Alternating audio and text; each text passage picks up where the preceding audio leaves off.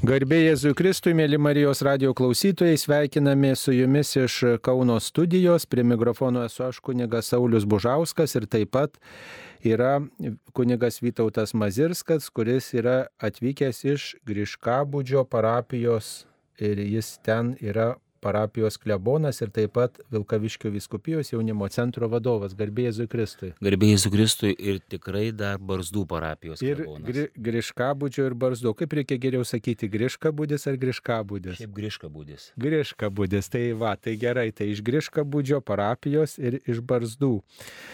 Nu tai gal papasakokit apie tas parapijas, šiek tiek gal ne visi yra, e, kaip sakant, juose buvę. Žinau, kad Griškabudžio bažnyčia yra tokia unikali aštuonkampė, be ne vienintelė Lietuvoje medinė aštuonkampė bažnyčia. Taip, šitos abidvi parapijos yra Vilkaviškio viskupijoje, Šakių dekanate. Ten jau paskirtas vyskupo klebonu esu 9 metai. Ir reziduoju pastoviai e, Griškabudžio parapijoje, ten gyvenu. O Barzdų parapijoje dažniausiai sekmaniais vykstu aukoti šventų mišių. Na dėja, kartais pasitaiko ir laidotuvės, kartais pasitaiko ir krikštynos, va, ir, ir kitokios pamaldos. Tai va, tai, tai ta kita parapija, Barzdų parapija yra aptarnaujama, o taip kaip dar parašyta tuose raštuose, tai esu Vilkaviškio viskupijos jaunimo centro vadovas, tai dažniausiai antraniais vykstu į Marijampolę, ten susitinku su savo bendradarbiais ir um, būna tam tikrų klausimų, kuriuos kartu turime aptarti, gal kažką kartais reikia ir pasirašyti, tai va tai. Tai, tai džiaugiuosi, pirmiausia, tai džiaugiuosi savo tarnystėmis, abiejose parapijose labai būti smagu šitų parapijų klebonų ir taip pat jaunimo centro vadovu. O mišios e, aukojamos kilintą valandą Griškabudį. Sekmadieniais e, barzduose mano rytas prasideda 9 val. ryte, o paskui pusę 11 būna Griškavudyje. Tai kaip žmonės sugrįžta po pandemijos iš bažnyčią ar, ar linkia melstis namuose? Manau, kad sugrįžta. Tikrai, tikrai, pavyzdžiui, praeitą sekmanį, tai, nu, aišku, prieš metus buvo labai tokia savaitė, mm, vat, su spalio mėnesio, kur tikrai buvo daug netekčių, daug mirčių per savo. Kiekvieną dieną turėjau laidotuvės ir kelias dienas net po dviejas. Tai sakykime, nu, žmonės kažkaip jie tokio praktiškumo gal vedini, dažnai renkasi užsakyti šventasis mišės sekmanį. Tai, tai buvo tiek žmonių, kaip per atlaidus, šventos onos atlaidai grįžkavų didžiausi, tai, tai buvo labai daug žmonių. Aš nežinau, aš e, nesiskundžiu žmonių lankomumu, barzai be abejo iš principo mažesnė parapija, tai ten Bet tas dešimtas procentas, gal, gal net pilnas dešimtas procentas e, tikinčiųjų sekmanys ir ateina tiek barzduose, tiek grįžkavūdį. Bet tai laidotuvės savotiškai yra liūdna žinia kaimo parapijoje, tai reiškia, kad lankytojų jau ateinančių sekmadienius bus vis mažiau ir mažiau. Įvairūs parapiečiai miršta, būna, kad ir miršta tie, kurie ateina kas sekmadienį į bažnyčią. Nu, kaip ir pasitaiko, miršta ir tokių, kurie na, gyvena, ne. gyvena parapijos teritorijoje, bet gal bažnyčios lankytojai jie yra retesni. Va, bet, bet ką, tokia jau mūsų tarnystė - patarnauti visiems, nu, neatstumti nei vieno.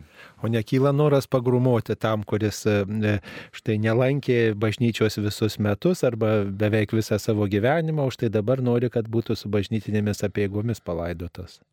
Retai tokių pasitaiko ir paprastai nu, patys artimieji ir išsprendžia šitą dilemą nešti, pavyzdžiui, mirusio ar- artimo žmogaus palaikus į bažnyčią ar nenešti. Tai, tai labai retai tenka net tokios konfliktinės situacijos, kad, sakykime, na, žmogus nebuvo labai pamaldus i- ir, ir dabar nori tokių pilnų, tų katalikiškų laidotuvių su... su, su, su. Tai Tai tokių kažkokių reikalavimų žmonės, bent jau grįžkabūdį ir barzduose, tai yra šituo klausimu samoningi. Nu, sakykime, vienas toks pavyzdys sako, nu juk juk jūs žinot, kad sako, šitas mano artimasis nelankė bažnyčios, sakau, žinau. Nu tai sako, prašom čia mišes, o paskui ateikite į salę šarvojimo palydėti į kapus. Nu, va, tai sakau, labai dažnai žmonės patys įsprendžia, bet, nu, būna, kad kartais ir nešytą bažnyčią, ir ar urną, ar, ar karstą. E, grūmojimas nėra išeitis, gal kartais reikia pasakyti tiesą, bet, bet pasakyti tiesą su meilė kartais labai sunku. Tai yra dar tokias irgi manau, išmintingas dalykas nuoskaudas nukesti. Yra toks net ir, ir, ir gailestingumo darbas, tai jeigu tarsi jauti žmogui nuoskaudą, kad va, štai tavęs nebuvo pamaldose, tavęs nebuvo bažnyčioje, dabar reikia, matai, tau ir patarnauti, nu, bet darai gerą darbą. Nuoskaudas nukesti geras darbas, mirusį palaidoti kitas geras darbas. Nu, tai. Bet, vat, pavyzdžiui, tam žmogui, kuris lankė bažnyčią kiekvieną sekmadienį, gal skaudu, kad vat, tokį e, retai lankiusi, turtingą galbūt žmogų štai laidoja klebonas ir va matai, kaip ir apėgos gražios ir į kapus lydi ir viską, ir va taip, o jis visai buvo priešiškas bažnyčiai, pavyzdžiui, per, neperžengdavo bažnyčios lenkščių ir dar gal šaipydavosi iš tų, kurie lanko bažnyčią. Tai sakau, va, šitoj konkrečioj situacijoje jie praktiškai, nu, vis tiek, jie, jie mišes bet kokiu atveju reikia aukoti už, už mirusį ir mirusią. O jau dėl nešimų, sakau, aš savo parapijose nesusidūriau dar su kont, tokia kontroversija, kad va štai nieko nedarė, dašaipys ir štai dabar jau, jau karstas ar urna bažnyčioje. O gal žmonės abejingi, jau visai viskas vis tiek visiems. Ir, ir kitas dalykas, nu ir vėl man tai prisimena tas Jėzaus, žinai, pasakymas, e, tai nustepsite prie dangaus karalystės stalo pamatę Abromą, Izauką ir Jokūbą, e, ar ten ištvirkėliai ir visokie ten kitokie greičiau pateks į dangų negu jūs čia teisuoliai. Tai, nu, vat, Jėzaus tas toks vat, matymas giliau. Pavyzdžiui, nu, o jeigu, iš kur mes žinom, o jeigu tas, kuris keikė Dievą, jau atėjau ten paskutinioji ir dar sugebėjau menmintyse sakyti viešpatie pasigailėk. Nu, tai aš va, tą, tą visada palieku kažkaip paskutinį žodį viešpačiui. Tai va, tai, bet sakau, man viskas įsisprendžia, tie dalykai labai paprastai, su Dievo pagalba ir patys parapiečiai tą dalyką, e, tą dalyką, žodžiu, padeda sutvarkyti. Tai turbūt dažniausias patarnavimas yra laidotuvės, krikštynų, vestuvių parapijoje, kaimo parapijoje mažai. Kalbant apie konkrečias parapijas, kuriuose man tenka tarnauti, tai Barzda iš principo, nu, maža parapija, tai ačiū Dievui ir tų laidotų ne, nebūna ten, užtenka kartais ir vienos rankos pirštų suskaičiuoti. Čia per kiek Jis... laiko vienos, per, vienos per, metus. per metus. Bet, vat, Buvo keletas krikštynų barzduose, santokų jau mm, gal keli metai jau nėra, kad pasitaikė, kad būtų nors barzdų bažnyčia, beje, visi liaupsina e, Grišką būdžiau bažnyčią valio, bet barzdų Čia... bažnyčia irgi labai graži, jinai tokie mūriniai yra, e, balta, bet viduje labai, man tai jinai graži, labai viduje tokios, pavyzdžiui, lubos labai gražios yra. Aš, ir, ir, ir tai, ką atsivežu, būna, ar ten kokį draugai aplanko, O sako, parodyk ir barzdų bažnyčią, nusivežu, kaip gražu. Ir tikrai ir graži bažnyčia, ir tvarkinga bažnyčia. Ir e, va, tos aptarnavimus parapijos toksai bruožas yra tai, kad labai savarankiški ten žmonės. Aš važiuoju ten paukoti pamaldas, e, atlikti pamaldas, joms vadovauti, o visą tą tokį susitvarkymą, paruošimą bažnyčios, šventoriaus, labai abiejų parapijų seniūnai padeda. Tai, va, tai, tai bet grįžtant prie klausimo apie apėgas, tai va, barzduose, nu, tų, ačiū Dievui ir laidų nedaug, bet ir, ir tų krikštynų ir santokų jau keli metai ir vis nepasitaiko. Pavyzdžiui, Grįžka būdį šiemet buvo nemažai krikštų, netoli 40 atvyksta ne vien tik, sakykime, para, parapiečių vaikučiai yra krikštėjami, kartais pasitaiko iš aplinkinių, bet, na, stengiuosi tikrai e, su rūpeščiu būdėti, kad, nu, atitiktų krikštatėvį ir ne, ne kartą ir šitoje laidoje klausia, kas gali būti krikštatėviais. Tai va ten, kad, kad visi krikščioninimo sakramentai, kad jeigu gyvena vyras ir moteris e, kartu, kad būtų bažnytinė santoka, nu, tai va tuos dalykus būdžiu. Tai, sakykime, iš įvairių dalykų, iš įvairių ir iš kitų parapijų pasitaiko, kad atkeliauja pakrikštyti. Arba, pavyzdžiui, kokios šaknys gal artimųjų, čia patys gyvenę, vai augę. Santokų buvo dešimt šiemet. Tai irgi, kaip briška būdžiui, tai tikrai nemažai. Irgi ne, jau taip grinai parapiečių tai buvo vien, viena, dvi, O, o, o, bet sakau, vėl arba ryšys būtas, arba krikštos parapija yra grįžko būdis. Tai va tai, o šiaip ką žinau, nu, įvairių momentų ateina žmonės ir pokalbiams kartais kreipiasi, to asmeniškam pokalbiui. Na, aišku, vėl ligonių sakramentą, bet vėl kažkaip smagu, kad kartais išgirsti kažkas susirgo, ar ne, nu, operacija laukia ir pradedi kalbėti apie tai, kad e, šitas sakramentas yra skirtas ligonėms, o tu sergi, tai vad, e, kartais įkalbi žmogų priimti ligonio sakramentą, vad, irgi. Taip, tai e, matot, e, turit visokių patirčių, aš iš kaimo klebono esu girdėjęs, kad m, tokie du pagrindiniai rūpeščiai yra kaimo klebonui, tai yra remontas ir malkos, kaip apsirūpinti malkom, e, kaip klebonyje, bent klebonyje, kad būtų šilta, nes ne visi klebonai išgali remontus daryti. Ir, Ir taip pat, na, vat, tas malkų klausimas, sako, daugam yra aktualus. O kaip jums? Staptelsiu vėl ties Barzdų parapiją, vat, per devynerius metus E, grinai su parapiečių didesniem ar mažesniem aukom pavyko labai nemažus darbus nuveikti, nudirbti ir, ir sakykime, ir bažnyčios ten, kai atėjau, buvo vienas, vien, prieš tai buvusio klebono ties bokšto, e, bėgo, bėgo ties bokšto per stogą vanduo Tai vieną pusę jisai suspėjo padaryti, kitą pusę pa, prie manęs buvo pabaigta. Tada viduje ten, kadangi viskas su, subėgė, susilieja, reikėjo sutvarkyti viduje vidaus. Paskui ten nusilakavom grindis. Nu, kai namie atrodo kosmetiniai dalykai, ten iš, iš, išsidažė grindys. Paskui iš lauko bažnyčia buvo nudažyta, kadangi balta, nu, labai greit balta, ant balto pasimato, vėl atrodytų, lyg vėl reikėtų ją dažyti. Tada apsitvėrėme, buvo, ne, šventorius neturėjo tvoros, apsitvėrėme tvorą. E, dabar, na, vėlgi čia e, toks yra klebonė, jinai nėra gyvenama, bet e, vyskupas patarė pakeisti stogo dangą. Nu, maža ką, gal kažkas ten gal dar kažkaip, ne tai kad gyvena, bet gal galima po truputį kažkokį įveiklinti tą kleboniją. Nu tai vad pakeitėm stogą, lietvamžius. Ir rinkliavos tik apie 50 eurų, ne pavyzdžiui, Sekmadienį. sekmadieniais. Ir galvoju, kaip, kaip čia gali padaryti, bet, bet sakau, žmonės ir aukoja, nu aišku, kalėdojimo, vyksta kalėdojimas, tai va vis taip kažkaip, nu, aš taupau tuos pinigus. Ir sakau, atsiranda vat, vienas kitas parapietis barzduose, kur tikrai tūkstančiais prisideda ne, ne, ne šimtais eurų, bet tūkstančiais. Tai, tai vat jie kažkaip barzduose ten vat taip susitelkia. Grįžka būdė kita specifika, kadangi tai yra kultūros paveldo objektas. Ir kosmetiką dar jie leidžia, pasitari, įspėja, kad kažkaip, va. bet jau, va, pavyzdžiui, kažkokie didesni dalykai, kurie susiję įvardėjami kaip restauracija, ir visokia krūva dokumentų, tyrimų, investicijos labai didelės, na ir dabar, kai čia tai viskas brangsta, tai turbūt nu, tie kaštai darbų, kurie būtų vykdomi per kultūros paveldo departamento visokius reikalavimus, nu jie labai labai turbūt išauga. Nėra ten avariniai būklė, jei nei bažnyčia numatai, ten truputį atšokia, ten pablukia, bet va visim šitiem atšokimam ir pablukimam sutvarkyti jau reikalingi leidimai, o tai jau tikrai stipriai kainuoja.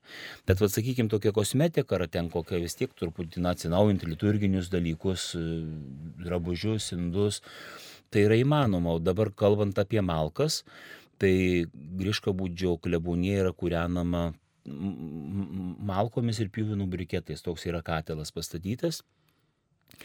Pakankamai katelas yra e, toks dujų, dujų generacinis, ten viršų dega malkos, apačioje įsiskiria dujos ir jos irgi dega ir va, ten taip pat tas pečias toksai pakankamai yra geras. Ir jeigu taip jau jį pakrauni, palieki ramiai, tai jisai iki 8 valandų dirba savo darbą, o dar šalia katilinėje yra pastatyta tokia vadinama akumuliacinė bačka pusės tonos, taigi ją dar pečius užkrauna ir kai pečius baigia savo darbą, tai dar iš tos bačkos dar kokias 3 valandas keliauja. Tai pakankamai, o gyvenant vienam, vėlgi yra tam tikros erdvės, kurios labai retai naudojamos, yra tos vadinamos radiatorių galvos. Tai va tai ką dabar daryti? nu, tai reikia kažkaip į to kūro įsigyti ir palyginimui galiu pasakyti, sakykime, nu, malkos ten irgi šiek tiek brangiau, dabar neatsiminsiu, bet, vad, sakykime, labai gerai atsimenu skirtumą, kaip pernai už paletę pyvenų briketų kietmedžio e, sumokėta buvo 130 eurų, tai pakankamai anksti pavasarį pavyko įsigyti už 290, kai dabar girdžiu žmonės ir po 400, kai kurie pamoka, ar, ar nepilnai 400, prašau. Nu, bet e, ir vėl šitoj vietoj ačiū, nes nu, vis tiek jau pasidžiaugiau žmonėm, kad važiuoju į Marijos radiją, tai turbūt grįžkabudiečiai ir barzdiečiai klauso. Ir e, tai tikrai nepataikaudamas noriu padėkoti, kad man šitoj vietoj tiesiog net, na, pinigų yra jie tam ir yra, kad tu juos kažkam išleistum ir jeigu reikia kūro, nu, per kitą kūrą, kad ir po 290, o ką daryti. Tai dar ačiū Dievui, kad nu įsigijus kūro, dar, dar vis tiek lieka parapijos kasoj. tai aš kažkaip kalbu už save, kalbu apie savas parapijas ir, ir džiaugiuosi, kad e, tikrai nereikia krapštyti galvą, o kur čia toliau tų pinigėlių gauti, kaip čia dar jų paprašyti. Ir, ir tikrai man, man smagu, kad finansuose man nereikia sukti galvos ir, ir jie tiek barzdiečiai, tiek grįžkabūdiečiai supranta reikalą, kad čia reikia paukoti ir, nu, nežinau, vėlgi toks komentaras, sako, Jūs klebonė ne tik, kad nesakot, kad reikia pinigų, bet, nu, aš, iš, aš tokią praktiką perėmiau iš vieno klebono, pas kurį teko kunigauti, būti vikaru. Um, jis vis pasakydavo, pažiūrėjau, bus dabar rinkliava misijoms, ar ne, kitą, kitą sekmadienį. Nu ir paskelbė sekmanį, va čia jau šį sekmanį skelbsim, kad kitą sekmanį rinkliava misijom.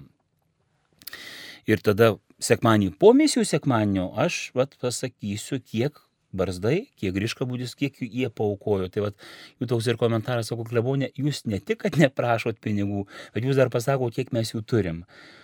Nu, aš tokią praktiką perėmiau, netgi savo vyskopo klausiau, ar tai yra normali praktika apie tai kalbėti. Tai tikrai normalu, gal ten labai nesigilinant ir nedetalizuojant, malkom ten tiek išleidom, žinai, komunikantam tiek. Ar, tai, turima suma, metų išlaidos, pajamos ir ką, ką, ką, ką turim. Va, to, tokie, tokie pagrindiniai skaičiai. Ir sakau, kiekvienos ten rinkliavos metų eigoje, ten misijom, seminarijai, mm, viskupijos reikalam, jaunimo reikalam, tai visada aš įvardinu. Ir žmonėm tas to pakanka, be jokių ten ėjimų į plonybę, sakau, bet va, tai, tai va, toks jų komentaras ir, ir man tas nu, atrodo normalu, nu, pakankamai kiek ten įmanoma pasakyti, nes tikrai, nu, pripažinti turiu, kad dažniausiai juk tie pinigėliai ateina iš kas sekmadieninių lankytojų. Na, sakykime, ten kita ta injekcija pinigėlių, jeigu kalėdoju, nu, tai aplankai ir tuos namus, kur, kaip mes jau čia įsivardinom, kur galbūt rečiau ateina į bažnyčią žmonės, bet, vat, nu, jie irgi savo auką prisideda kalėdaičių laikas ateina įsigyti advento metu, nu va vėl, kalė, aukos už kalėdaičius įkrenta į, į parapijos kasą. Dar vėl sakau, nu vienas kitas aukotojas, kuris tiesiog um, ar, ar bankinį pavedimą padaro dosnesnį. Ar, ar tiesiog vat, grinuosius pinigus atneša, sako, va čia auka. Tai šitoj vietoj mm, tikrai įpulčiau į labai sunkę nuodėmę, jeigu sakyčiau, Dieve, Dieve, kaip pragyventi. Tai ačiū už pasidalinimą. Ačiū. Tikrai tas yra įdomu turbūt daugeliu žmonių, kurie mm, gal mažiau pažįsta bažnyčios gyvenimą arba galvoja, kažkaip, kad ten viskas savaime vyksta bažnyčios gyvenime, tikrai įdomu sužinoti iš įvairių kunigų apie e, darbą parapijose. Aišku, dar daug visokiausių klausimų galima būtų aptarti, tai jūs ir klauskite, mėlyjei, kas jums rūpi, e, paklausti pas tokių, nežinau, miestelio ar kaimelio, didesnio kaimelio parapijos kleboną, apie pastoraciją, apie tarnystę ir panašių dalykų. Atsiusta tokia žinutė apie kunigą vikarą. Prieš savaitę vienoje radio laidoje buvęs Punsko parapijos vikaras Talutis prisistatė kaip dabartinis Musninkų parapijos administratorius ir pabrėžė, kad dar ne klebonas. Kuo šios dvi kunigiškos pareigybės skiriasi? Nu, bažnyčios kanonai, e, sakykime, įvardina šitaip, kad, e, sakykime, kleboną paskiria vyskupas šiai tarnystėj ir klebonas skiriamas tikrai neribotam laikui. Čia mes vis klausime, tai kiek jūs būnat ir aš Kadencija nežinau, kokia? kokia ta kadencija, ar aš nežinau, iš kur mes čia taip sugalvojom, gal čia kažkada kažkaip buvo, kad lyg septyni metai. Nu, bet tokia čia nerašyta, čia ne pagal kanonus ta Kanonuose kadencija. nėra tokia. Čia viskupų konferencija gal nutarė. Gal kažkaip va taip, bet toks, kad įraštintas būtų toks susitarimas, tai turbūt irgi nėra. Va, bet klebonas, klebonas skiriamas neribotam laikui, o administratorius, čia kanonai nurodo, kad jeigu kažkas klebonui sutrukdo e, tas pareigas atlikti, bet administratorius irgi tada eina visas pareigybės kaip klebonas, bet jisai, nu, toks, bet kada gali būti atšauktas. o jau klebonas, nu, kaip sakyti, kai jau įsikabina nagais į parapiją. Ir, vad, sakykime, gal, kad žinotumėm, čia va, toks keletas iš kanonų teisės 530 kanonas sako, specialiai klebonui yra patikėtos šios funkcijos - krikšto teikimas, sutvirtinimo sakramento teikimas esantiems mirties pavojuje, viatiko ir ligonių patepimo teikimas laikantis e, 1003 kanono 2-3 paragrafo nuostatos ir apaštalinio palaiminimo suteikimas, asistavimas santokoms ir sutoktuvių palaiminimas, vadovavimas laidotuvėms, krikšto vandens Velykinių laikų laiminimas, vadovavimas nebažnyčioje vykstančioms procesijoms ir iškilimių palaiminimų teikimas nebažnyčioje, iškilmingas Eucharistijos celebravimas sekmanės ir privalomomis šventėmis. Kai kas iš jūsų galite paklausti, bet tai tą ir vikarą mes esame matę. Nu, tai pats administratorius, tai tad, kai nėra toje parapijoje klebono, tai daro administratorius, nes bet, kanonas yra pasa, pa, pa, parašęs, kad parapijos administratorius saistomas tų pačių pareigų ir turi tas pačias teisės, kaip ir klebonas, nebent diecezinis vyskupas nustatytų kitaip. Čia kanonas 540. E, parapijos administratoriui neleidžiama daryti nieko, kas pažeistų klebono teisės ir galėtų padaryti žalos parapijos gyvybėms. E, Tai dar grįžtant prie klausimo, va, tai mes matom, pavyzdžiui, procesijos, ten kokia procesija Velykiniai vadovauja vikaras. Bet vikaras turi gauti pavedimą iš klebono. Aš va pats esu buvęs vikaras, tai, nu, tas ir ateina klebonas ir sako, šiandien tu paukosi vakarinės mišes. Arba vadinama ta suma, kai būna miesto parapijose daugiau mišių ir va suma. Tu šiandien paukosi sumą ir už parapiją. Vat, ir kitas kunigas, pavyzdžiui, vikaras gali paukoti klebono pareigą melsis už parapiją, bet va, toje parapijoje irgi buvo aptarnaujama parapija. Ir jis važiavo, važiuoja, pavyzdžiui, melstis į ten ir sako, vat, bet šitas mišes sumos, o mišes tu paukok už parapiją. Vat, ir klebonas man paveda ir aš tą darau.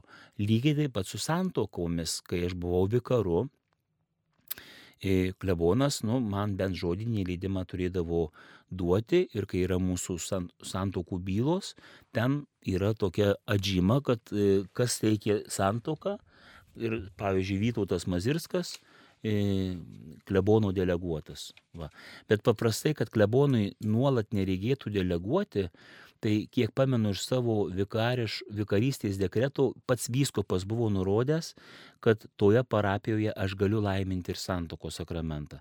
Bet vis tiek, bet kokiu atveju yra gražu ten atsiklausti klebono. Nu, taip, klebonas parapijoje darbus paskirsto Taip, pabūt. dirbantiems. Tai kunigams. skirtumas beveik kaip ir jo ir nėra, galbūt tik tas va, toks buvimas klebonu, jis toks nėra ribotas ir, nu, toks pastovesnis. pastovesnis. O administratorius turi tokį laikinumą, laikinumo tokį pobūdį.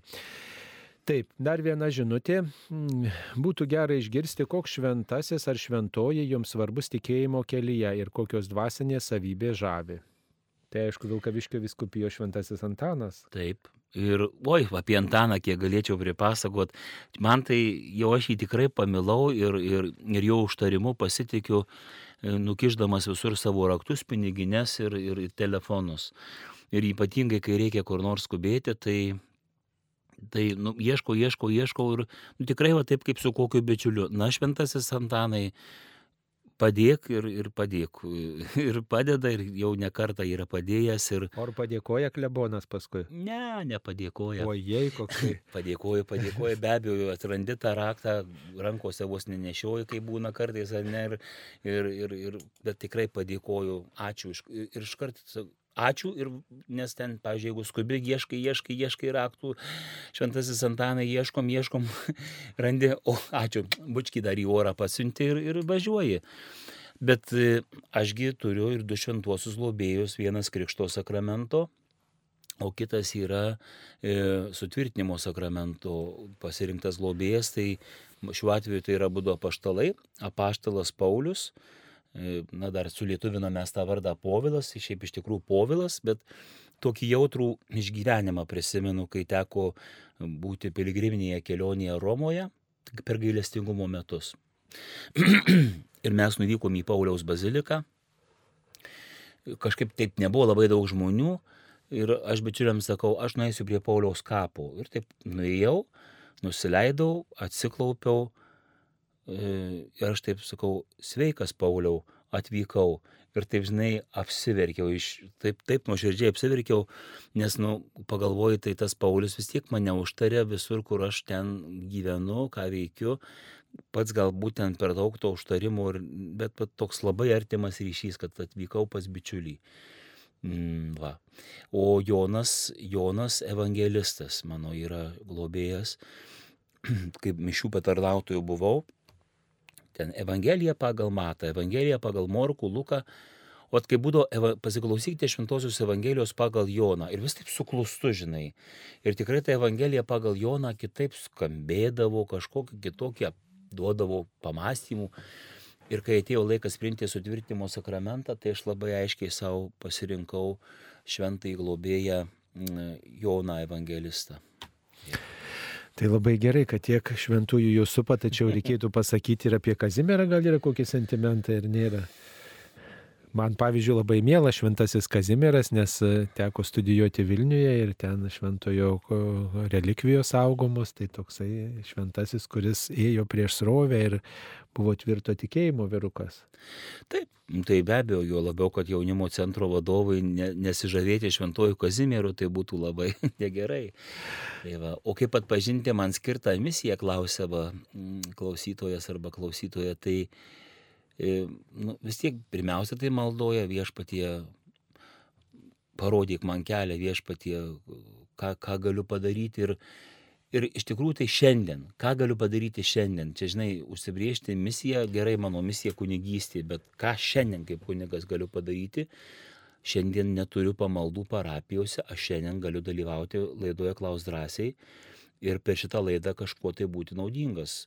Vat prieš laidą buvau koplyčioje ir sakau, Jėzau, kalbėk per mane, sakyk kažką, padaryk kažką naudingo per mane. Tai, tai va tokia misija. Nu, taip pat ir dar kiti žmonės gali padėti turbūt misiją atpažinti, kai e, dovanas pastebi, kokias dovanas e, turiu, e, kaip galėčiau geriau atlikti savo, savo kelią, savo, savo tarnystę ir kiti žmonės turbūt išsako įvairias įžvalgas ir verta į tai atsižvelgti. Taip, dar viena žinutė.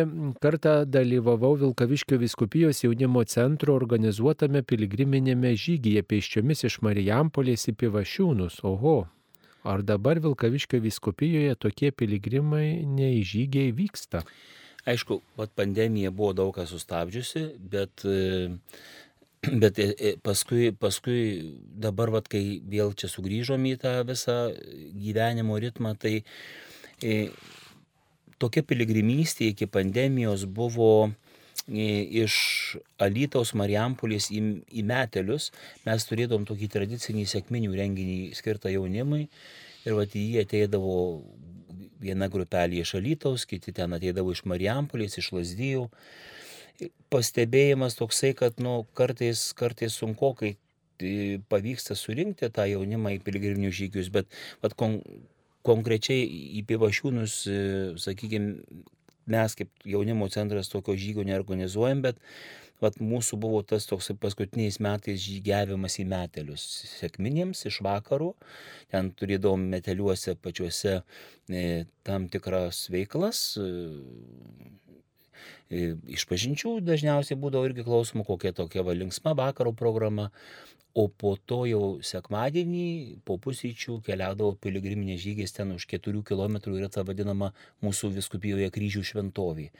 Ir va ten ateidavo jaunimas, dalyvaudavo šventose mišiuose atlaidų, nes ten yra švenčiami sėkminių atlaidai kryžių šventovėje. Tai, tai kol kas vat, tokie, tokie piligriminiai žygiai e, truputį apstoja. Naudodamasis progą galiu pasakyti, kad bandykite nežinia, kurioje viskupijoje gyvenate, bet jau po truputį viskup, Lietuvos viskupijų jaunimo centrai pradės pasirengimą pasaulio jaunimo dienoms, vykimą į piligriminę kelionę, greičiausiai turbūt autobusais į Lisaboną. 2023 metais, paskutinę Liepos ir pirmą rūpiučio savaitę Tai paskutinę Liepos savaitę vyks e, Portugalijos viskupijose tokia vat, savaitė, e, kažkokioje viskupijoje bus gyvenama ir su visokom veiklom ir, ir ten vat, tais dvasiniais potyriais. O paskui savaitė jau Lisabonoje e, jaunimo dienos vyks. Tai informacija visada galite pasidomėti greičiausiai per tos viskupijos, kurioje šiuo metu gyvenate jaunimo centrą. Taip, mums paskambino Mums paskambino, kas Taip, mums paskambino per amžius. E, norėčiau sužinoti, čia Ona iš Marijampolės skambina. Gal daugiau papasakoti, norėčiau sužinoti apie palaimintąjį e, Karolį Akutį, jeigu galite. Ką nors. Tai labai ačiū. Taip, ačiū. Ačiū už klausimą. Taigi Neseniai Lietuvai buvo įkurdintos palaimintojo Karolio Kučio relikvijos, jums teko taip pat dalyvauti ten, aukoti šventasias mišes prie relikvijų? Mm, nu, dėja neteko, nes, nes nu, irgi taip, aišku, savaitgalis ir, ir tarnystės. Bet vėliau buvot atvažiavęs. E, dar nebuvau atvažiavęs, bet atvažiuosiu. Aš, aš, aš turiu, ten nuvažiuoti tinkamą. E, Vat kalbėjom apie šventąjį Kazimierą, tai taip įdomiai, ar ne, Švento Kazimiero parapijoje. Kitas va šių dienų jaunimo toks apaštalas, kuris pakankamai jaunas žmogus, e, bet nuo mažų dienų gyveno šeimoje, kuri, nu kaip ir sakyt, pasirūpino, kad vaikelis būtų pakrikštytas, privestas komunijos, primtų sutvirtinimo sakramentą, bet jau nuo, nuo jaunystės tikrai jaunuolis ypatingai ypatingai, ypatingai turėjau ryšį stiprų su Euharistija, su švenčiausio sakramento adoracijomis. Tai va, ir, ir jaunuolis, va, kuris, kuris tikrai tikėjime buvo tvirtas ir šių laikų technologijų, techlo, per šių laikų technologijas, ten visokiausios socialinius tinklus evangelizavo jauną žmogų, e, kviesdavo jaunimą į adoracijas labai mylėdavo vargšus, kiek yra žinoma, gyveno pakankamai turtingoje šeimoje ir, ir savo visokiausias pajamas finansinės, kurias turbūt duodavo tėvai, jisai, jisai išleisdavo vargšams, pirkdavo jiems reikalingus ten rūbus, batus, maistą. Ir, ir, ir ne tik tai vat, nupirko ir paduodavo, jis, jis ir bendravo su jais. Va, ir, sakykime, Dievas davė jam uh, tokia lyga, ūmi leukemija, kuri per dvi dienas jį ir numarino.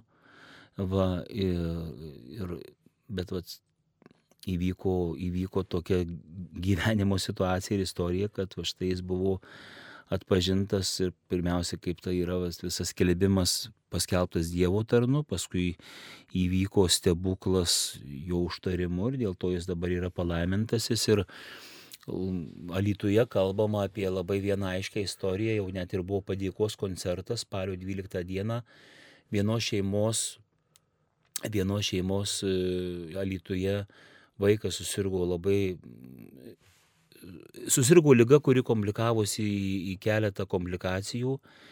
Ir atsidūrus Kauno klinikose gydytojai sakė, kad na, tikėtina, kad jūs jo gyvo neparsivešite. Ir buvo tikrai uoliai melžiamasi, labai daug žmonių meldėsi už tą vaiką, už tą šeimą ir, ir būtent Karolio kučio užtarimo prašė. Pats klebonas. Sako, aš gal kokie 90 iš jų paukojau už tą vaiką. Ir nu, šiandien dienai, bet per Karolio kučio iškilmės, įkurdinimo iškilmės relikvijų tas vaikas procesijoje nešė žvakę, sveikas, gyvas gydytojas atėjęs išrašyti, sako, kur pacientas, sako, val, apsirengęs laksų, sako, aš neturiu laiko, nejuokaukit. Sako, va, mūsų vaikas, nu, sako, tai, ką aš matau lygos istorijoje ir ką aš matau prie save, tai yra stebuklas. Tai nežinau, jie, jie, jie kažką turbūt darys, kažkaip į, į, į, tą įforminti, kad irgi, kad tai įvyko stebuklas. Tai Karolis Akutis yra Italijos palaimintasis, bet va štai jo relikvijos, plaukų relikvija yra įkurdinta šiuo metu vienintelėje Lietuvoje bažnyčioje, tai švento, Alitaus švento Kazimiero bažnyčioje. Ir dar turbūt labai svarbu pateikti žinę, kad mes neturėtume užstrikti ne, ties, ties vienu, nei palaimintų, nei šventuoju, bet vat, Karolis labai mylėjo Eucharistiją. Ir vat, turbūt jo tikslas prašyti jo užtarimo, kad ir mes atrastume Eucharistinį Jėzų šventasis mišės, kad atrastume adoracijos svarbą ir naudą mūsų gyvenime. Tai, tai vad, tikrai, jeigu klausytoje turite galimybę naudotis internetu, tai jūs galite, bet nueiti į Švento Kazimiero parapijos puslapį ir ten rasti informaciją, bet dar geresnė idėja, kuri dabar vat, prisiminiau, jūs esat Marijam Polietį. O ten, kur yra Švento Arkangelo Mykolo bažnyčia, ir šalia yra raštinė ir taip pat tose pačiose patalpose buvo kunigų seminarija. Ir, ir, ir ten dabar įsikūrė mūsų Vilkaviškio viskupijos visokiausi centrai - katechetinis, jaunimo, karetas. Ir va to, žodžiu, kur buvęs yra internatas, tai vis iš tos pusės yra toks Švento Jurgio knygynas. Tai jeigu jūs galite, nuvykite į Švento Jurgio knygyną Marijampolėje, būtent tose patalpose, kur yra vienuolynas, kur buvusi seminarija, ten galite įsigyti knygą apie palaimintąjį akutį. Motina parašius tą knygą, Taip. jo motina, o Lietuvos vertėja išvertė. Ir va ta parapija yra išleidusi. Tai va tiek būtų jums informacijos. Taip, ačiū, mums paskambino. Taip. Klausome jūsų. Gerbėjai Jėzų Kristų. Per amžius. Klauskite. Čia Birutė iš Skuodo. E, noriu paklausti, nesuprantu, e, Petro pirmas laiškas, antras skyrius, 15-16 eilutė. Nemylėkite pasaulio, nei to, kas jame yra pasaulyje. Jei kas myli pasaulį, nėra jame tėvo meilės. Nes visa, kas pasaulyje, tai kūno geismas, akių geismas ir gyvenimo puikybė. O tai nėra iš tėvo, bet iš pasaulio. Nesuprantu, juk pasaulį tai Dievas sukūrė, tai yra Dievo kūrinys. Ir visa, kas jame yra, nu tikrai gražu. Ir upės, ir kalnai, ir jūros, ir ežerai ir žmonės čia gimė, ir mes gimėm, ir mūsų vaikai auga, ir mūsų anukai auga. Nu, kaip tai galima, nežinau, kaip galima nemylėti. Nors tiesa yra labai daug, nu, labai daug ir blogio, bet žymiai daugiau yra gėrio. Ačiū už atsakymą. Taip, ačiū Jums.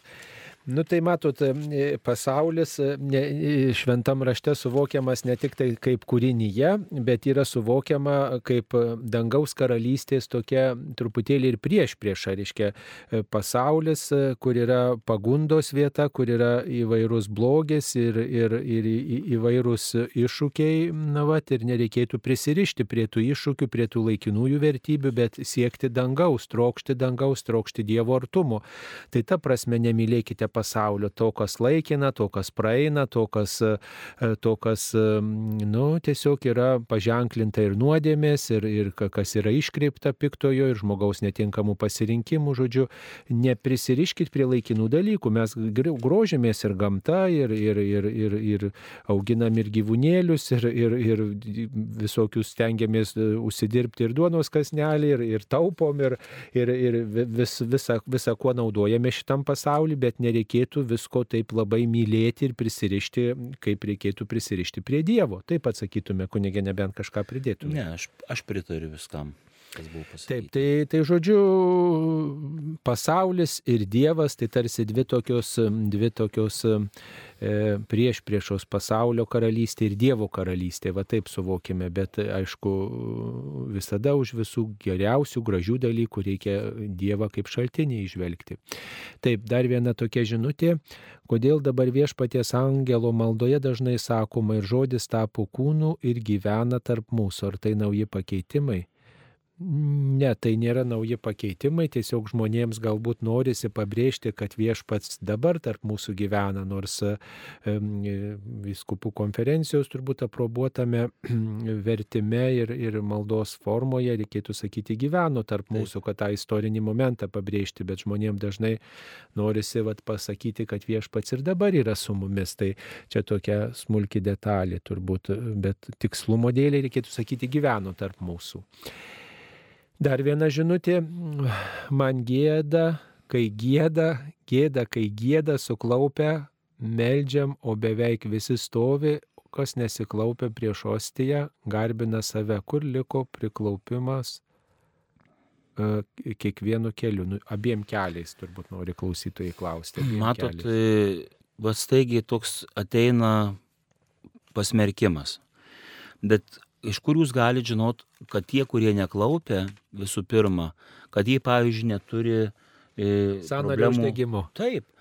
Vėl aš turiu vieną parapietę, e, kuri mano bendramžiai da, dar jaunesnė už mane.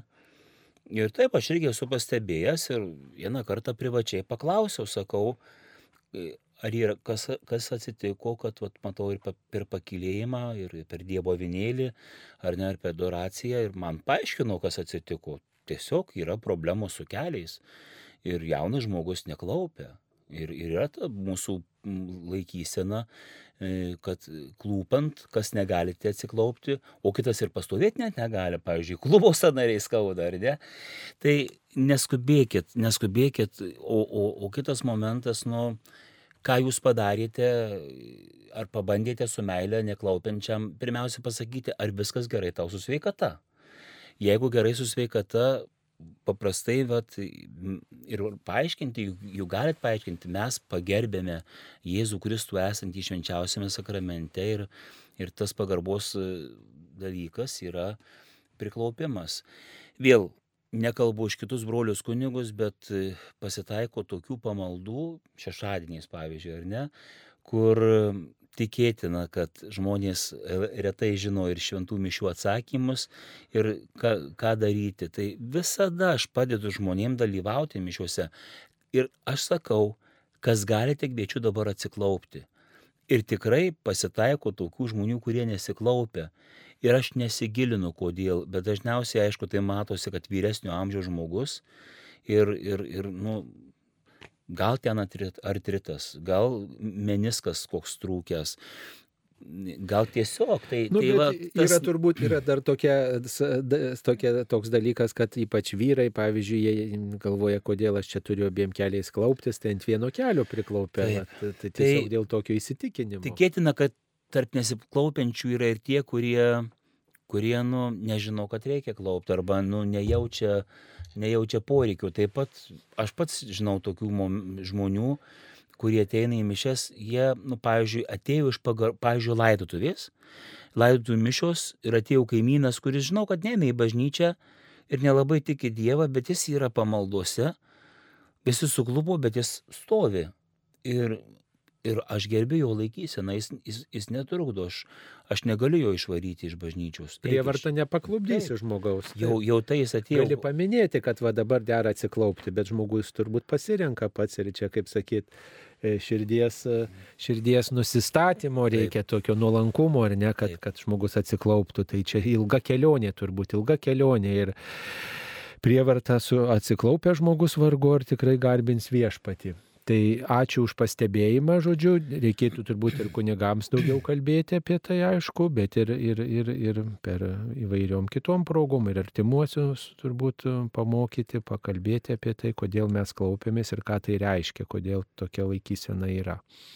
bet visada yra žmogaus pasirinkimas. Dar viena žinutė, ar būtinai mišes užprašyti už savo mirusius savo parapijoje. Aš, kur tenka nuvykti ar į atlaidus, ar į vienuolynus, ten ir užprašau, gal nuskriaudžiu savo parapiją. E, priminsiu, ar ne, kad mes kunigai išgyvename, mūsų pagrindinis pragyvenimo šaltinis yra aukos už šventasias mišes. Tai be abejo, jeigu mano parapietis arba parapietį užsakė mišes e, šakiuose, tai su, su, su meile jie padėjo šakių kunigams va, duonos kasnį pelnyti. Va, juokas yra, bet, bet žodžiu, taip ir yra. Ne tai, kad nuskriaudžiau, bet ačiū. Parėmėt kitą kunigą. Parėmėt kitą kunigą, ačiū, kad e, kartais turbūt užsako šventasias mišes ir savo parapijai. Žodžiu, kur be užsakytumėt e, šventasias mišes, jūs taip prisidedate prie tos parapijos kunigų ar kunigų pragyvenimo. Tai ačiū Jums, kad apskritai jūs jaučiat dar pareigą užsakyti mišes ir taip, taip iš tikrųjų padėti kunigams ir pragyventi.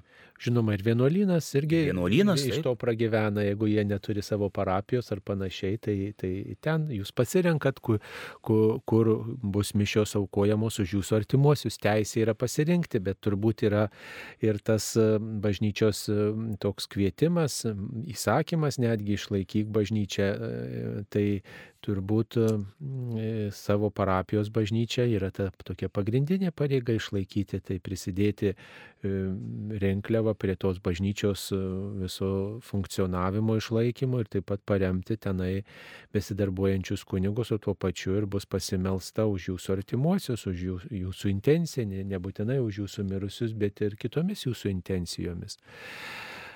E, taip, dabar žiūrim, kokios žinutės dar mums uždegtos. Aišku, mm, štai e, uždegta tokia žinutė, jei ant kapo nepašventinta žvakė, uždegu pašventinta žvakė, ar prilyksta degančiai šventinta žvakė. Ne, neprilyksta. Ne.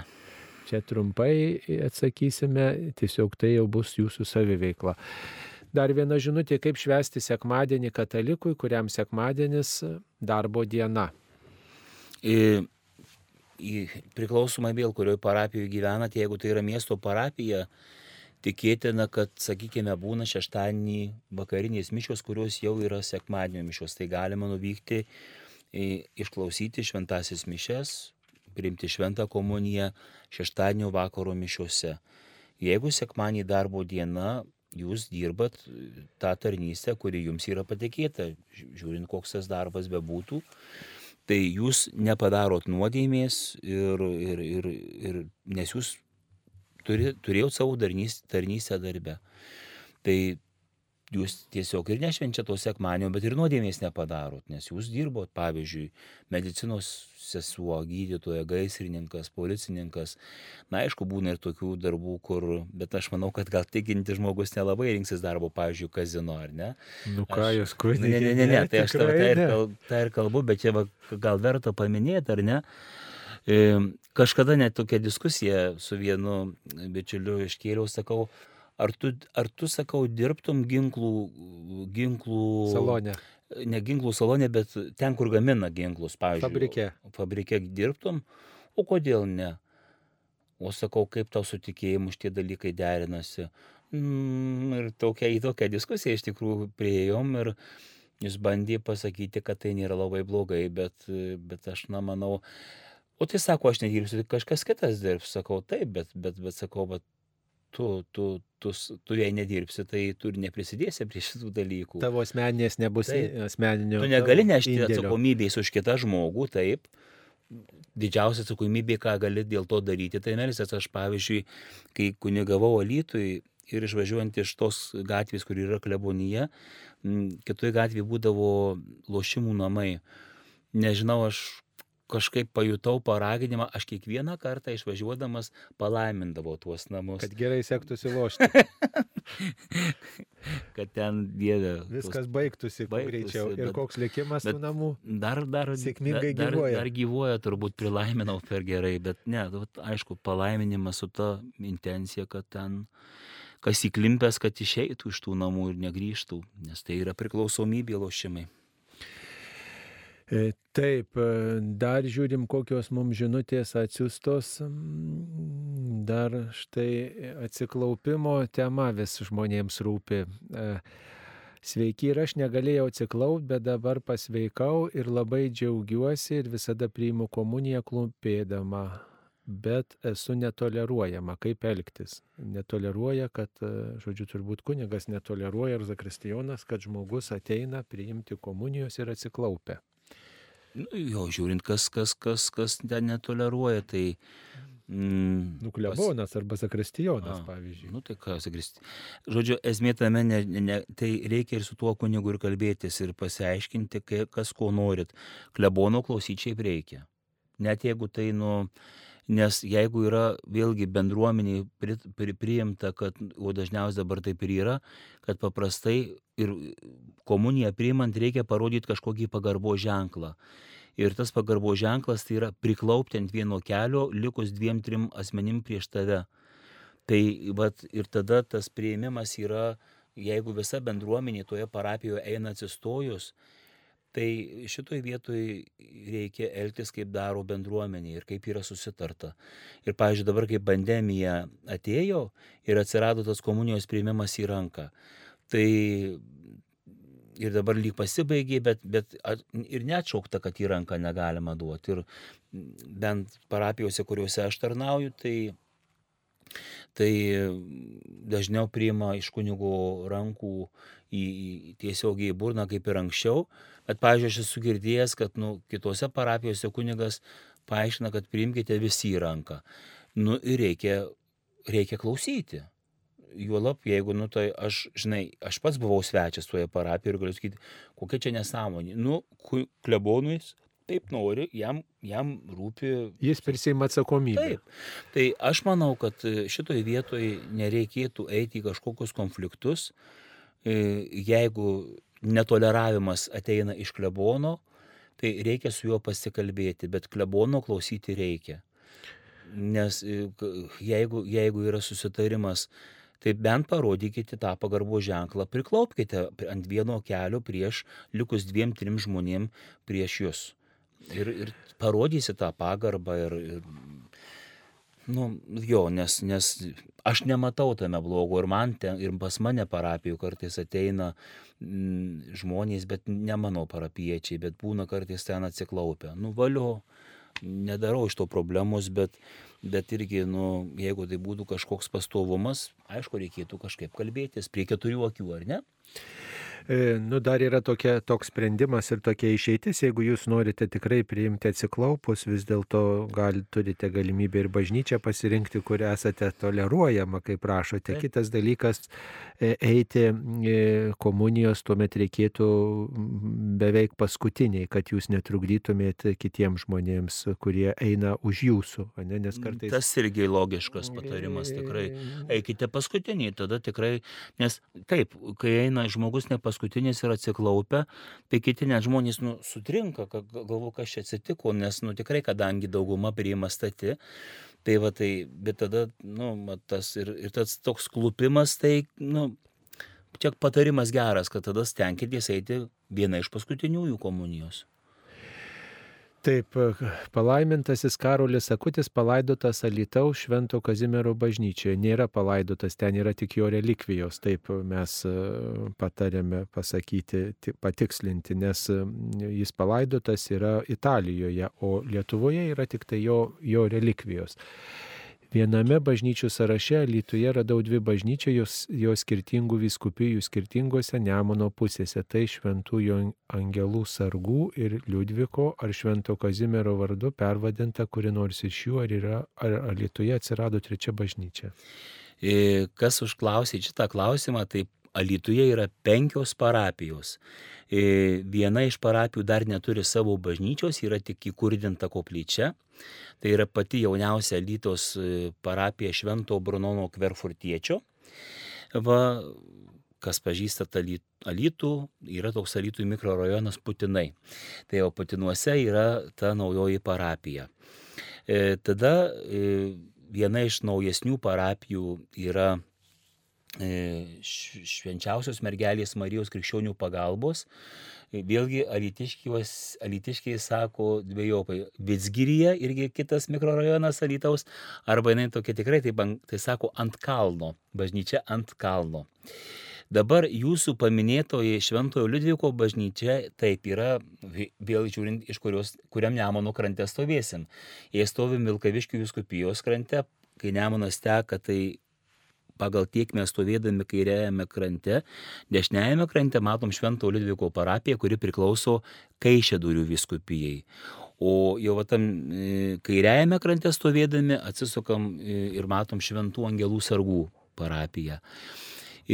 Švento Kazimiero parapija turėjo tokią istoriją, kad tai buvo ir, ir, ir katalikų bažnyčia, paskui caro laikų ir buvo ir, ir cerkvė, paskui iš vis e, buvo uždaryta ir ten vyko šokiai toje bažnyčioje, tiesiog buvo įkurdintas klubas, normalu tarybiniais metais stengiasi iš tų bažnyčių padaryti, ką tik nori.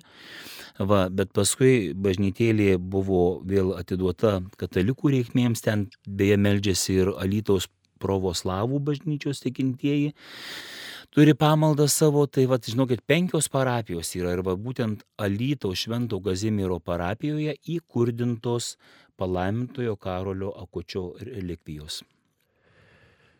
Taip, dabar e, dar viena žinutė apie klaupimąsi. Vis klausytojams rūpi šitą temą. Ar reikia klauptis per šventą šventas e, viešpats? Po, švent, po šitos maldos šventas, šventas, šventas viešpats galybių dievas.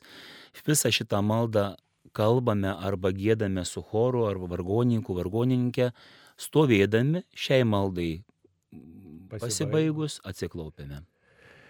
E Taip, ateina į bažnyčią garbinti Dievą ir nustato savo taisyklės, ar jau žmogus aukščiau bažnyčios. Čia turbūt reakcija į tuos vėl klūpėjimus, ar ne, tai, tai nu, jo, yra tiesiog, nu, nėra ką pakomentuoti, čia turbūt sureagavo į tą, tą nu, ankstesnį. Nu, mato, tai, tai aišku, kad kiekvienas atėjęs jisai turėtų derintis prie bažnyčioje e, e, vyraujančių taisyklių, tačiau, nu vis tiek žmogaus laisva valia yra ir tu prievartą jo nepriversi. Na, žiūrėkit, vakar vėl pralaimėjo Kauno Žalgeris, ar ne Eurolygoje, nu ir ką, kiek, kiek specialistų, kiek, kiek komentatorių ant sofų jaučiu vakar paleido visokiausių komentarų, tai taip panašiai ir su elgesiu bažnyčioje. Ateina ir va kiekvienas geriausias geriausiai žino, kaip čia turi būti, ar ne? Bet vis tik tai sakau, dar kartą pasikartosiu, elgiamės bažnyčios e, erdvėje taip, kaip toje parapijoje ir toje bendruomenėje yra priimta. Pavyzdžiui, vėl sugrįžkime į Švento Kazimiero parapiją Lietuvoje e, ten nustepsite, kad iškart po pakilėjimo žmonės atsistoja. Ten nuo seno yra tokia liturgija ir taip yra ir, ir per po šventą šventas suklumpa, pakilėjimo konsekracijos metu klūpo ir, ir prieš tikėjimo paslaptis visi sustoja, tikėjimo paslaptis ir, ir, ir kalba tą tikėjimo paslaptį jau stovėdami. Tai Tai yra bendruomenės susitarimas ir jeigu ten kažkas atėjęs pradėtų aiškinti, kad ką jūs čia darot, tai tą darom, nes tai toje parapijoje yra taip priimta daryti. Ir, ir, ir vyskupas tą žino, čia nėra savivaliai. Tai yra toje parapijoje tokia e, susidariusi liturgija. Ir, nu, jei tai būtų kažkoks prieštaravimas, tai čia vėl, žinot, sakytų, tai ką čia ir vyskupas toleruoja ir leidžia, tai, tai kaip čia dabar daryti. Toje parapijoje tai yra normalu, tai yra norma. Ir ten nieko pažeidžiančio kažkokią nepagarbą parodant Jėzui Kristui, nu tai nėra. Tai va, tai, tai va ir vėl va, akivaizdus elementarus konkretus pavyzdys. Taip, ir dar viena žinutė, kodėl daugumoje parapijų bažny, ir bažnyčiose mišios 17 val. juk daugumai darbas iki 17. Gal bažnyčiai lengviau suderinti laiką, nei darbdaviui paklus bažnyčiai ir dėl mišių darbą daryti iki 16 val. Nu, gal čia klausimas ir man būtų, pavyzdžiui, kai būna tas vasaros ir žiemos laikas, ar ne? tai tuos vasaros laiku antradieniais, trečiadieniais ir ketvirtadieniais pas mane irgi būna vakarė šventosios mišios 17 val. Aš taip radau. ir, ir, ir žmonės ateina ir, ir, ir dalyvauja tose O jie mišiuose. nepagėdauja, kad būtų vėliau. Dar nebuvo tokių pagėdavimų pasakyta. O galų gale dabar, kai bus nuo spalio pabaigoje prasidės, kai uh, būna tas vasaros ir žiemos laikas, ar ne? tai tuos vasaros laiku antradieniais, trečiadieniais ir ketvirtadieniais pas mane irgi būna vakarė šventosios mišios 17 val. Aš taip radau. Ir, ir, ir žmonės ateina ir, ir, ir dalyvauja tose O jie nepagėdauja, kad būtų vėliau. Dar nebuvo tokių pagėdavimų pasakyta. O galų gale va dabar, kai bus nuo spalio pabaigoje prasidės žiemos laikas, tai visos mišios būna 9 ryte. Ir, nu, nežinau, aš tai nesusidūriau, čia gal daugiau, bet miesto parapijose, kiek man yra žinoma, kad 18 val. Taip, 18. Ir pavyzdžiui, Daug mano kasdieninių mišių lankytojos, mm, jos jau 17 val. laikui pasisukus neina, jos bijo. Tamsu. Nu, tamsu. O tuo labiau dabar mes, pavyzdžiui, Grįžko būdė turim ten tvarko ke- kelias tokias centrinės gatves ir pats centras yra iškasiuotas, tai ten dar ir, ir dėl to tikrai net vakare net neveikia apšvietimas, nes, nes gatvės tiesiog iškastos, nu, per naują infrastruktūrą daro gatvės ir, ir, ir, ir šalygatviai, ir apšvietimas, tai va tai, tai tokia va priežastis, kad, nu, aš, aš tai pradau ir nežinau, kaip po manęs kunigas elgsis, bet tai yra taip. Taip, tai čia aišku reikėtų tarti su konkrečios parapijos klebonu ir pageidauti turbūt, e, kaip jums patogiau išsakyti, jeigu daug žmonių to pageidaus, aš manau, kad kunigas galbūt ir atsižvelgs. Dabar padarysim pertrauką ir jos metu pasiklausysime Kauno Petrašiūnų jaunimo atliekamos giesmės Meilės kelias.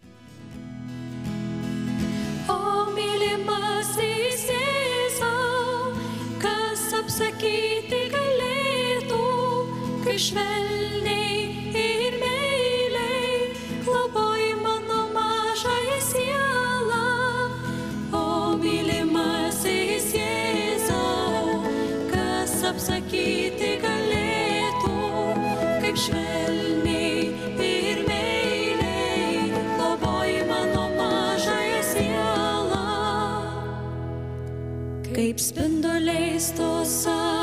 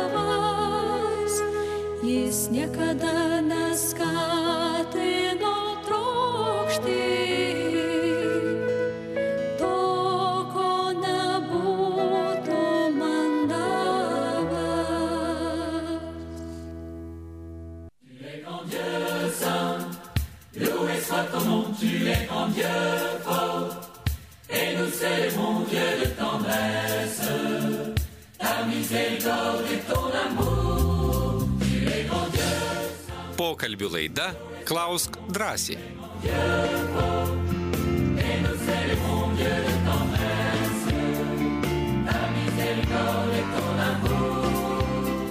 Mėly Marijos radio klausytojai, tęsėme laidą Klaus drąsiai, dėkui. Taip, ar bažnyčia nėra visuotinė, anksčiau taip nebuvo. Čia turime galvoj turbūt, kad skirtinga laikysena vienoje bažnyčioje, vienoje bendruomenėje ar kitoje. E, Nu tai dabar palaukit. Taip, tai yra visuotiniai ir yra principai, kurie tikrai skirtingi, bet Italijoje niekas negėda, pulkiam ant kelių visi krikščionys.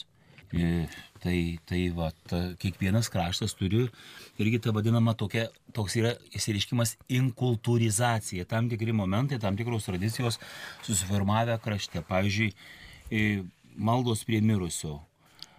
Suvalkyjoje gėdam švenčiausio Jėzaus vardu e, šitą Rožinį. rožinį. E, Žemaitijoje gėda Kalvarijos kalnus. Aukštaitijoje iš vis negie- gie- giesmės gėda, vat mano tėtis iš Aukštaitijos. Tai vad ten, kiek teko dalyvauti šermenų, ten iš vis tik giesmės gėda. Galvoju, aš vis laukiu, kada jie pradės rožinį, o jie ten dvi valandas giesmės viski papoteriauja. Tai tas visuotinumas yra tam tikri principai ir, ir, ir dėl tikėjimo, čia pirmiausia tikėjimo dalykuose, o tam tikri liturginiai dalykai, nu, jie kai kurie skiriasi. E, taip, e, dabar dar e, žiūrim, kas atsiųsta kokios žinutės. Kaip turi būti kalbamas rožinis, ar su parapija turi kalbėti rožinį klebonas kartu su tikinčiaisiais. Aš kalbu su tikinčiaisiais, už kitus klebonus nenešu atsakomybės. Taip.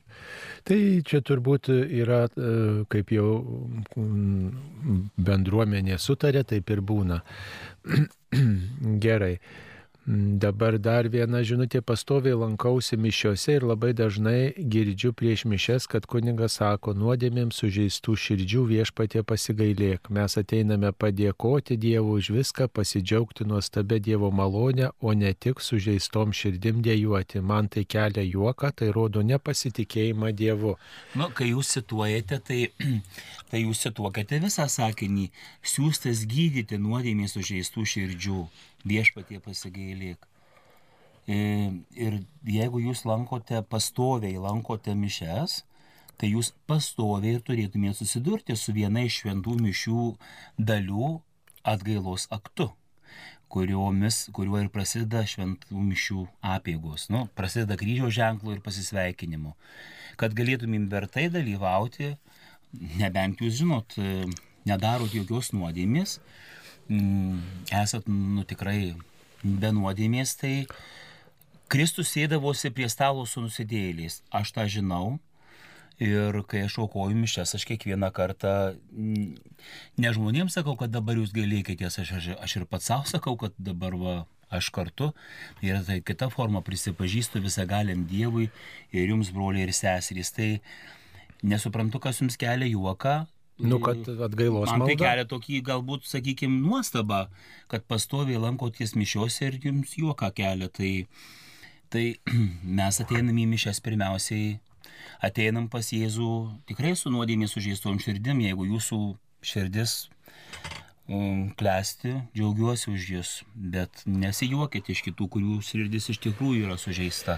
Turbūt nėra žmogaus, kuris e, turėtų teisę sakyti, aš, man nereikia sakyti viešpatė atleisk, viešpatė pasigailėk, nes jeigu taip žmogus drįsta sakyti, kad aš atėjau pas Dievą ir man nereikia sakyti viešpatė pasigailėk, tai jau tikrai jau tam žmogui jau labai reikia sakyti, nes jo širdyje daug puikybės yra, nes niekas negali ateiti pas Dievą ir sakyti, aš atėjau Dievę ir štai va prašau man čia suteikti arba noriu tau tik dėkoti. Mes visi esame klystantys, silpni žmonės ir mm, bažnyčios jau yra nustatyta mm, tikrai sena labai apieiga atsiprašyti viešpati ir tik tai tada savo padėką išreikšti, reiškia, vat, išgyventi tą atgailos, troškimo atsiversti, troškimą atsigręžti į Dievą momentą ir tik tai tada išsakyti savo padėką. Tai galbūt nepriimtina kažkam, nes nepriimtina apskritai nuodėmė, neapskritai mm, kažkoks nevertumas, silpnumo išgyvenimas nepriimtinas, bet tai dėja yra tiesa, kad mes esam dulkės prieš Dievą, esam klystantys, silpni trapų žmonės ir, ir tą prisiminti verta. Taip Dievas prisėmė mūsų prigimti, jis tapo vienu iš mūsų, bet mm, vis tiek žmogus E, kaip sakant, e, turi ir nedėkingumo, ir silpnumo, ir, ir to nutolimo nuo Dievo, ir neištikimybės, ir, ir visą tai mes apgailim. E, tą troškimą grįžti išgyvename mišių pradžioje ir, ir išgyvenam kartu su įvairiais žmonėmis, kurie apsilanko bažnyčion. Tai tiesiog ir už jūs kažkas meldžiasi, kad, kad būtų daugiau tos atgailos nuotaikos ir tos atgailos nereikia bijoti, nes net ir Marija apsireiškusi ir Fatimoje, ir, ir, ir Medžiugorijoje, ir kitur, iškiai ją atgailą kvietė. Ir apskritai ir Faustina, kuri mm, pripažinta bažnyčio šventoji ir jos dienoraštis pripažintas kaip autentiška patirtis, taip pat kviečia į atgailą. Tai išbraukti atgailą būtų tikrai mm, šventvagystė ir būtų, e, nu, tiesiog tai, kas mm, patinka piktajam, bet nepatinka Dievui. Tiesiog tas ateimas tik tai džiaugtis, tik tai tik šlovinti viešpatį. E, tai, e, tai yra gerai šlovinti ir dėkoti, bet e, ateiti, ateiti su atgailos nuotaika tikrai verta. Dar panašus klausimas yra apie Dievą kaip apie draugelį. Ką reiškia tos dainuškos apie Dievą kaip draugelį? Jėzus yra Dievas. Mhm ir, ir, ir viešpats, ir karalių karalius. Ir atpirkėjas, ir, ir gelbėtojas. Nežinau, nei, gal prašyčiau e, klausytoją mums parašyti tekstą, kur, kur, kur Jėzau draugelį ir dar kažkaip ten aš tai tokios giesmės nežinau, nes pakankamai nemažai tų giesmių žinau ir, ir, ir gėdu. Tai nežinau nei vienos Gal yra dai kažkokia dainuška, tai neklausykit dainuškų, šiaip giesmės yra bažnyčioje gėdamos. E, Jėzus nedraugelis, tikrai nedraugelis, bet kad draugas, tai skaitome Evangeliją pagal Joną prie paskutinės vakarienės stalo.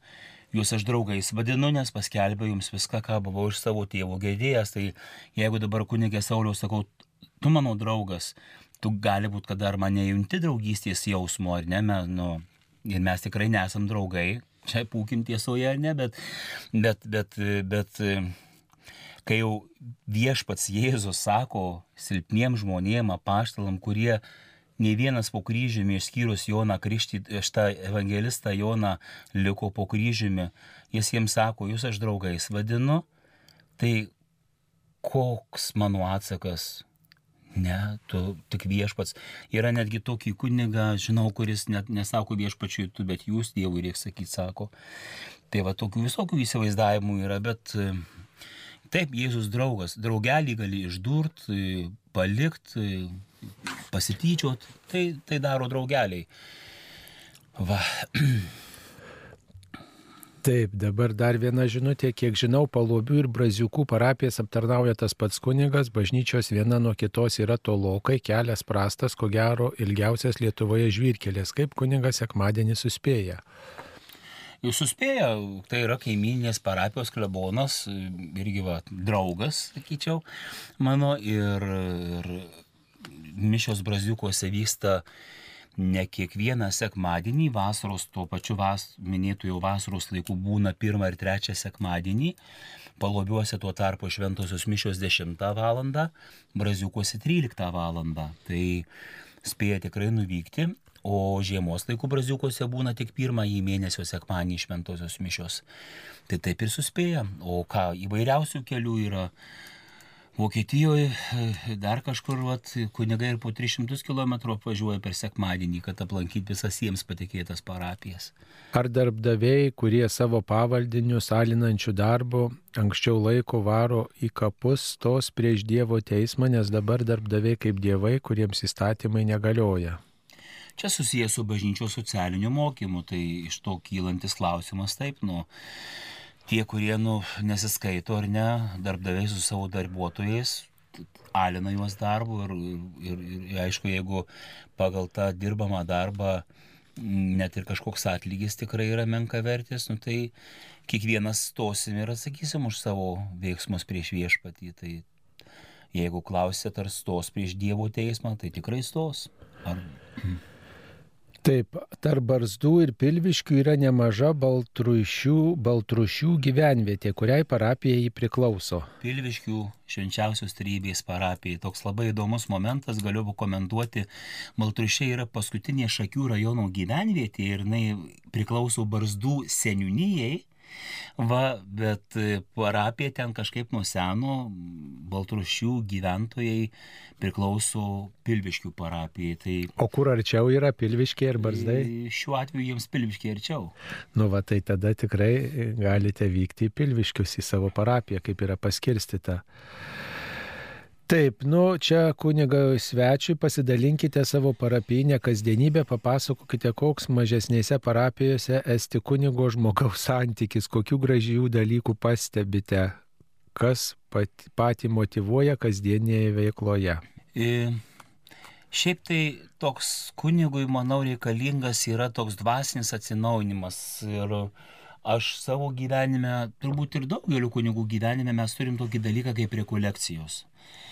Ir šią vasarą aš dalyvavau tokiuose rekolekcijose, yra toks pas mus gyvenimo tikėjimo institutas, jie organizuoja rekolekcijas grįstas Švento Ignaco Lojolos dvasingumu. Ir ne, aš nežinau, man kažkaip tos rekolekcijos e, dalyvavimas juose iki šiol kažkokius tokius vaisius neša. Ir ypatingai nuo, nuo tikėjimo, koks Dievo žvilgsnis yra į mane, kaip jį, jis, jis nuolat mane myli.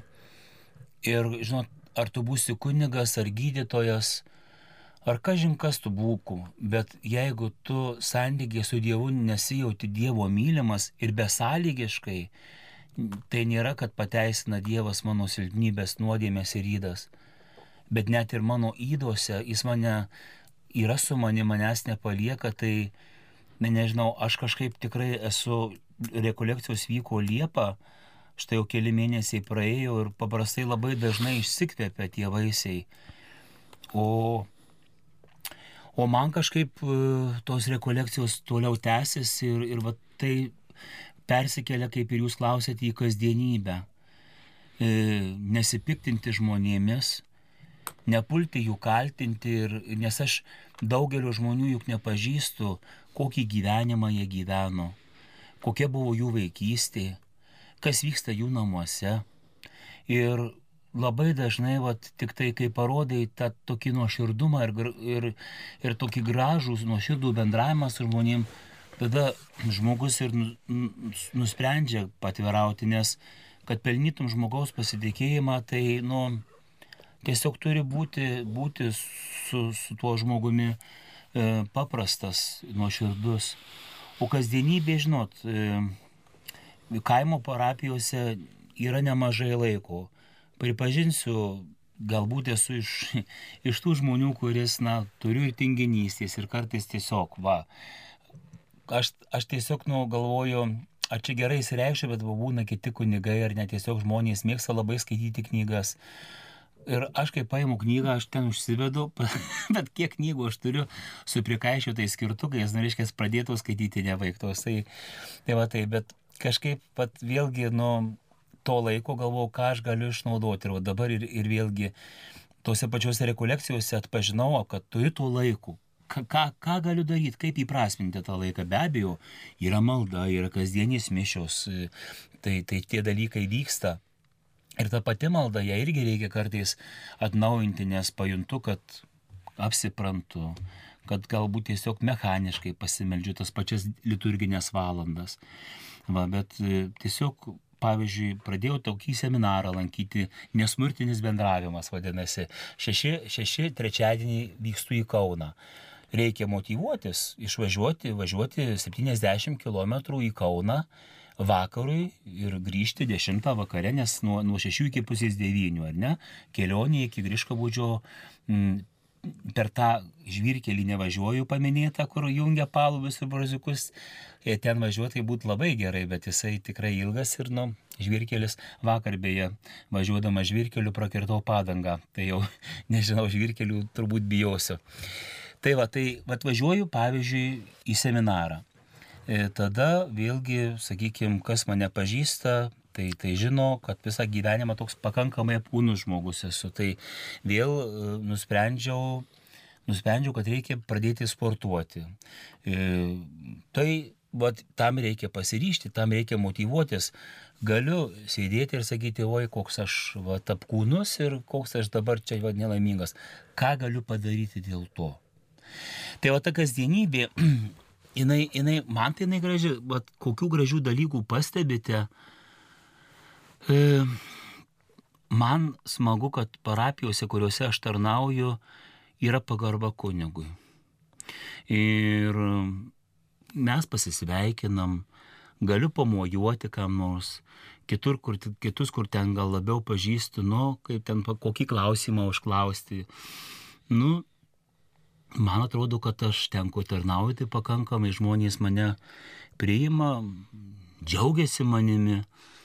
Nes ir aš jais džiaugiuosi, tai va tokie abipusiai ryšiai ir palaikom ir tą išgyvenam, abipusiai tokį džiaugsmą vieni kitais. Tai kai turi tuos palaikymo žodžius, palaikymus, tai, tai ir motivacija yra gyventi, būti kunigu. E, tai va tiek atsakyčiau. Taip, ačiū. Žiūrim, kas dar e, mums atsiusta, kiek šiais metais įstojo kunigų seminarija, ar mažas pašauktųjų kunigystė ir vienuolystė skaičius nėra susijęs su atgailos sakramento nuvertinimu. Ačiū už jūsų tarnystę, kad esate. Tai įstojo keturi seminaristai iš dviejų viskupijų, jie mokosi dabar Vilk telšių, telšių seminarijoje parengiamajame kurse, o ar su atgailos sakramentu tai nėra bendra, na, viena reikšmio atsakymo turbūt nėra. Reiktų pasakyti, kad kad turbūt yra taip, kad čia daugybė priežasčių yra, kodėl sumažėja stojančių į seminariją skaičius. Taip, Jonas Paulius II net iš pažinties porą kartų per dieną eidavo, nesuprato savo prigimti, tai sakyti, kad juokingas atgailos aktas nėra pagarbu. Tai vad matot, liaudės balsas, ką masto, ką nori paskelbti. E, Timas Genaras knygoje stipriau už nepykantą Jėzų vadina savo draugeliu. Nu va, taip, vadinti. Na, tai... Mhm. Santykis toks betarpiškas su Dievu draugeliu. Nu, aišku, svarbu turbūt vengti kraštutinumų ir į tokį familiarumą nepereiti, nepagarbą ir kita vertus, e, kita vertus pamiršti, kad Dievas tapo mūsų broliu. Ar mažoj parapijoje dirbant netrukdo neblaško nuodėmių žinojimas? Pabandysiu paaiškinti, kas yra išpažinties paslaptis man, kaip aš suprantu, kaip, tai, kaip aš ją turiu laikyti, tai aš jau tikrai žinau ir, ir jeigu aš jos nelaikyčiau, tai brangiai, kaip to Evangelijoje buvo, ką dabar daryti, kas tai nemoku. Žinai, kaip... Valgetauti gėda. Valgetauti tai gėda. E, brangiai, tikrai kuniga žino, ką reiškia išduoti iš pažinties paslapti. Ir kartais net ir vat, Marijos radio laidoje būna, ar yra toks portalas klauskunigo.lt, kurį ten kartais prisijungiu, atsakau į klausimus. Tai, tai žinot, nu, išduoti iš pažinties paslapti, viskas, tu negali būti kunigu. Nu, ipso fakto ekskomunika, atskirimas nuo bažnyčios pačių faktų, kuris turi ilgą procesą sudėtingą. Tai, nu, net ir ten nepamaldžiausias turbūt koks kunigas ar dar kažką, jisai tikrai turbūt nu, nenorėtų to į tai įsivelti. E, tai man neblaško ir netrukdo e, žinojimas nuodėmių, tuo labiau, kad aš jas tik sužinau klausykloje, bet aš apie jas negalvoju visas, visą likusį savo gyvenimą ir um, tiesiog taip yra išugdyta. Atėjo žmogus iš pažinties, čia ir dabar. Tai jeigu aš daviau uh, išrišimą nuodėmės, kurios žmogus padarė, atleistos, o dėl ateities aš išgirdau, kad, sako, žmogus tenksiuosi taisytis. Tai dabar susitinku ten kokį parapietį ir parapietį ir dabar, aha, o ką žiūrėjau, vagia dar ar nevagia, žinai, ten nu, palauk, tai tikrai, tikrai neturiu tam laiko ir ne, ne tam esu, kad susitikęs galvočiau. Viskas vyksta klausykloje ir, ir, ir mano, mano keli nuodėm klausiai, kuriuos turiu savo gyvenime, yra mano draugai. Nu, kartais tenka eiti ir, šiluvoj, pavyzdžiui, atlaiduosi dalyvaujant, gal ten tenka nueiti pas kunigą tiesiog kitą, kuris nepažįsta. Bet vat, kad mano nuodėm klausiai draugai, tai netrukdo man jų, kai jie sužino apie mano nuodėmės, tai neįtakoja mūsų draugystės. Nes aš atėjau išpažinti nuodėmės pas brolį, kuris turi galę Dievo vardu manęs atleisti, girdėdamas, kad aš gailiuosi, kad aš noriu taisytis, kad aš noriu keisti savo gyvenimą. Tai, tai manau, bičiuliai, tai džiaugsmas, kad aš būdamas jo bičiuliu, aš turiu jautrę širdį nuodėmė, aš turiu jautrę širdį Jėzaus meiliai. Tai, tai va tai tas pats ir su parapiečiais. E, man tai yra džiaugsmas, kad apskritai dar žmogus suklupo prie klausyklos, atėjo, kad žmogus nori keisti savo gyvenimą, kad jam arba jai ne vis tiek kaip mąstė, galvojo, ką pasakė, kažkur apsileido. Tai mano toks požiūris į parapiečius ir, ir manęs absoliučiai nevlaško ir aš negalvoju apie nei vieno žmogaus ten nuodėmės. Tikrai. Nu, bet tu dar e, kažkaip kunigas turi tą dovaną, kad ir užsimiršta tos nuodėmės. Ne? Būna taip, vat, vat, galiu, vat, nu, sakykit, tie galiu pasakyti, ar ne. Kunigė, aš jums čiagi sakiau, ar ne, sakau, priminkit, nu tikrai pasimiršta. Mum, mum, mum, dėstytojas tikrai mokino, sako, stenkitės, nu tiesiog negalvoti apie tai, dėl to tas ir pasimiršta. Tai aš, jums, aš jums sakiau, ten pavyzdžiui, Tai va, tai, bet būna, pavyzdžiui, kur žmonės, sakykime, nu, pastoviai eina iš pažinties, tada tu tampi jų toksai, va, ir, e, ir per išpažinti tampi tuo tokiu dvasiniu, mokytojų, sakykime, ar ne, nes tada e, pravartu turėti pastovų nuodėmklausį, tada žmogui nereikia per naują aiškinti tam tikrų priežasčių, kokios ten nuodėmės įvyko ar nutiko žmogui. E, taip, e, dabar dar viena žinutė. E, gimnazijoje kas skiria tikybos mokytoją? E, šiaip, kad asmo galėtų dirbti mokykloje, Tai be abejo į darbą priima gimnazijos direktorius, bet kad žmogus galėtų dėstyti tikybą toje gimnazijoje ir tiksliau sakant, tos bažnyčios parapijoje, nes, nu, Taip, atsakykime, Griškabūdžio gimnazijoje yra tikybos mokytoja ir jinai, kad galėtų dėstyti tikybą, jinai turi gauti mano... Kanoninį siuntimą. Jinai kanoninį siuntimą iš vyskupo, bet aš turiu ten pamiršau tas dokumentas, kaip, nu, turbūt prašymą kažką aš ten turiu pasirašyti irgi. Tai, bet žodžiu, be kanoninio siuntimo, kurį rašo vyskupas, tikybos mokytojas arba mokytojas negali dirbti jokioje gimnazijoje. Tai va tai, tai tokie dalykai. Taip, o priima į darbą e, gimnazijos direktorius, taip. mokyklos vadovas. Tai čia taip. Ir aišku, jeigu yra tam tikrų problemų, tai čia reikėtų tarti su katechetiniu centru, nes katechetinis centras, viskupijos katechetinis centras maždaug žino padėtį ir taip. gali perspėti vyskupą informuoti arba komunikuoti su gimnazijos vadovais.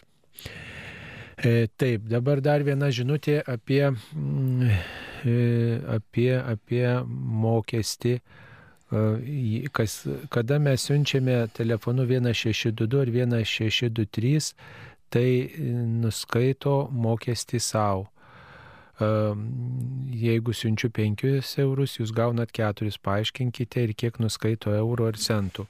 Tai e, matot, e, turbūt e, nuskaito eurų ar centų tiek, kiek reiškia, yra sutartyje, tiksliai negalėčiau pasakyti, kokia ten tai yra suma, bet ten tikrai nėra taip, kad jūs siunčiate 5 eurus, o, nus, o, o Marijos radijoje ateina 4, ten mažesnė suma tikriausiai yra nuskaitoma keli centai e, nuo didesnės sumos didesnė suma nuskaitoma. Tai čia turbūt bendrai nuskaito operatorius nuo visos sumos, kuris siunčia Marijos radijui. Tai e, čia taip yra, kad už administravimą e, tam tikrą mokestį turi teisę pasiimti e, operatorius.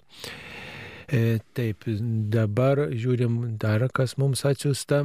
Prašyčiau jūsų paaiškinimo dėl ir internetu platinamo Medžiugorijos regėtojo perdoto švenčiausios mergelės Marijos prašymo kasdien 18 val. 30 min. sukalbėti tris kartus sveika Marija maldą. E, tai čia yra tas prašymas E, todėl kad tuo metu mm, Marija gali pasirodyti regėtojams ir regėtojai paprastai apie tą laiką e, turi tuos regėjimus. Kaip žinome, Medžiugorijos regėjimai tęsiasi mm, regėtojams ir Dėl to tą valandą patariama melstis, nes mm, mergelė Marija kalba tiems žmonėms. Aišku, tie regėjimai dar iki galo bažnyčios nėra aprobuoti, pripažinti, tačiau jau procesai tikrai juda tą linkme ir mm, pamaldumas pagerbti mergelę Mariją ir kreiptis kartu su ją ir į ją, e, kreiptis taip pat draugė su ją ir į Dievą, tai tikrai niekam nepamaišė net ir bet kokiu atveju. Tai tiesiog čia yra mm, prisiminimas mm, mergelės Marijos to troškimo globoti žmoniją ir ją perspėti, kad mes taip pat atsiliepiam, atsiliepiam į tą troškimą melzdamiesi. Taip trumpai atsakytume. E, skambutis, taip mums paskambino ir kasgi paskambino. Iš elektrienų Julija. Taip, taip, laukiame jūsų klausimo. Labai džiaugiuosi ir dėkoju už praeito savaitės pabaigoje buvo laida, kalbėjo apie Vytautą Mačernį ir, ir giesmių giesmę skaitė Morzovaitė. Tai kai paklausom apie šitą Karolį Akutį, tai tiesiog prisimenu, prisimenu ir Mačernis, tarsi jeigu būtų gyvas, gal jis būtų koks nors palaimintas. Viena. Antra, labai, labai ačiū už giesmių giesmę. Ir labai prašyčiau, jeigu būtų kažkokia galimybė pakartoti ją kada nors. Ačiū viskas. Taip, mūsų laidas galime rasti Marijos radio archyve, marijosradijas.lt Ten galite rasti ir Lietuvo šviesuolį, yra to kvėpio valandėlį ir visas kitas e, laidas, kurias e, jūs klausote, kurios jums patinka arba kurių nespėjote paklausyti. Na, stengiamės per šitą rudenio, žiemos, pavasario sezoną laidų beveik nekartoti, bet kartojame jas vasaros laiku. Tai štai tuo laiku tikrai galima daugelį Marijos radio laidų, kurias kartojom, girdėjom žiemą, išklausyti iš naujo. Dar atsiusta viena žinutė, kai miršta kunigas, anksčiau bažnyčioje pašarvotas būdavo tris paras ir aplink bažnyčią neždavo tris kartus, o dabar mirusi kuniga e, klezį laikė tik vieną parą ir vieną kartą nešė turbūt apie bažnyčią skaudu. Aš tai kiek dalyvavau kunigų laidotuvėse ir šermenyse, tai būdavo ir dvi paras laiko, ir tris paras laiko. Paprastai tai būna du vakarai, ne? Ir trečią dieną jau laidoja. Tai kad tris, tris naktis laikytų, tai niekada tokių dar laidų neteko. Nu, ne, tik Anglijos karalienę, žinom, labai ilgai laidojom. Tai va, o dėl kunigų, tai per 18 metų, kiek teko dalyvauti kunigų šermenyse laidotuvėse, tai dėl laikymo, sakau, daugiausiai du vakarai, trečią dieną jau būna laidotų diena. O dėl procesijos? O dėl, o dėl procesijos, pat neseniai savo viskupijoje turėjome laidotuvės kunigo pavasarį ir vi, iškilmingai aplink bažnyčią vieną kartą atnešėm, paprastai tai nežinau niekada, gal čia kas užklausė, tai Galbūt kažkada, kur tris kartus neši čia. Jeigu maža bažnytėlė gali ir kelis kartus apeina. Tai nežinau, bet, bet čia... Ir vėl va jum, jums, nežinau, ar čia vyras ar moteris skaudu. Kas slypi po skausmu? Atsakykit savo, kas slepiasi po jūsų skausmu. Tai va čia, čia ir tada žinosit, ar čia tikrai skaudu, taip jau va. Kodėl skaudu? Bandykit pats arba pati suprasti, kas skaudu. Manau, kad tikrai iškilmingai, gražiai palaidota kuniga. Ar... Dievas matematikos nemoka, man tai šitas kažkodėl sakinys, nežinau iš kur aš jį sužinojau, bet aš tai juo vadovaujuosi ir čia kiek naktų laikys, kiek ratų aplink bažnyčią neš, tai nežinau, ar čia, ar čia tikrai. Nėra esminis klausimas turbūt. Kodėl kunigas negali pats pas save eiti iš pažinties, juk jis tarpininkas, juk Jėzus žmogus melzdavosi į Dievą Kristų. Nu, į Dievą Kristų Jėzus nesimelsdavo, nu, Dievui bet, tėvui melzdavosi. Bet nu, sakramentai, sakramentai nu, mums teikiami teikiami bažnyčios vardu per, per, per šventimų sakramentų, e, sakramentų laipsnį turinčius asmenys, taip kad pats savo kunigas negali duoti nuodėmių išrišimo. Ar skurdžiausioje parapijoje kunigai gauna paramą iš viskupijos, ar visi kunigai rotuojami? Kiek žinoma, Vilkaviškių viskupijoje skurdesnių parapijų kunigai, maž, nuskykime, mažesnių parapijų, e, kur, nu, neaptarnavimą parapiją turi kaip aš barzdus, bet, bet nu, at, pavyzdžiui, nu, ta pati palobių parapija, ar ne, ar, ar ten kokios nors kitos parapijos tikrai, kur reziduoja kunigas, bet gal tikrai tikėtina, kad nėra tiek daug asmenų, kurie užsako šventasias mišes. Tai mūsų viskupijoje yra tokia parama, kad kartais kuniga, kunig, kunigus paremė pati viskupija. Kunigai ar visi rotuojami anksčiau ar vėliau. Visi mes pakeičiam keletą, keletą parapijų per gyvenimą. Nu, vieni gal dažniau, kiti, kiti rečiau. Bet... rečiau kai vienas kunigas neduoda išrišimo, o kitas už e, tą patį duoda, pas, kurio, pas kurį verta neiti. Tai pas tą, kur neduoda. Bet čia, žinot, labai asmeniškas jūsų klausimas ir mes nežinom, už ką nedavėjau, kodėl kitas priėmė sprendimą už tai duoti. Taip, kad, bet kadangi tai yra susijęs su jūsų išpažintim, gal nieko neįvardinkit, kas čia atsitiko, bet, e, nu, čia reikia žinoti situaciją, kodėl taip nutiko, kad vienas nedavė, kitas davė. Taip, galbūt kažką nutilėjot, ar kažką pasakėt, ar panašiai. E, taip, dabar žiūrim, dar kas yra atneštas klausimas koks atsiustas mums klausimas. Aš esu iš Kudirkos naumėščio. Mano tėvelis jau miręs, mama dar gyva ir vis kalba, ar po mirties jį galės susieiti su mūsų tėveliu. Susieis, bet jie nebus vyras ir žmona dangaus karalystėje. Čia jau pats viešpas Jėzus Kristus sako, kad mes būsime tolygus angelams. E, taip, dabar dar žiūrime ajurveda, kas tai tikinčiajam, ar tai netinkama, ar kaip. Nu tai tikinčiajam tikrai nėra, nėra tas tinkama. Mm, čia jau jums egzorcistai pasakytų, kad tai su rytų praktikom yra, su ideologijom tam tikrom yra parengta, paremta ir tikrai krikščionių nereikėtų tuo domėtis. Ar homeopatija prieštarauja krikščionybei, klausė Paulina. E, kiek žinau, egzorcistų nuomonė tai taip. Taip, tokia egzorcistų nuomonė, jos ir šiuo klausimu klausome. E, dar vienas klausimas, prašau pakomentuoti.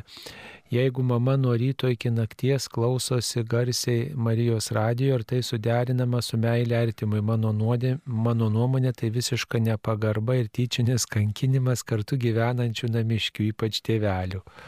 Nu čia, kiek suprantu, jeigu tenka gyventi po vienu stogu su senais tėvais, nu tai toks dievė jums padėk iš tikrųjų, nes e, nu, gyventi su savo senais tėvais, jau, jau, jau čia jūsų klausime ir matosi, kad tai yra problema. Ir kaip įtikinti mamą, kad tos radijos klausytųsi mažiau ir, ir jeigu prašymas Marijos radiją pritildyti ar net išjungti kiltų į entą į vietinį šeimos karą, Mm, čia išminties nežinau, bet... bet... Nu taigi paprastas sprendimas, klausykite, nupirkite mamai ausines, nupirkit mamai ausines ir šitą ir labai paprastai bus, mama klausysis, o tėtis negirdės, bet galbūt kartais kai kurias laidas ir tėveliui vertėtų paklausyti.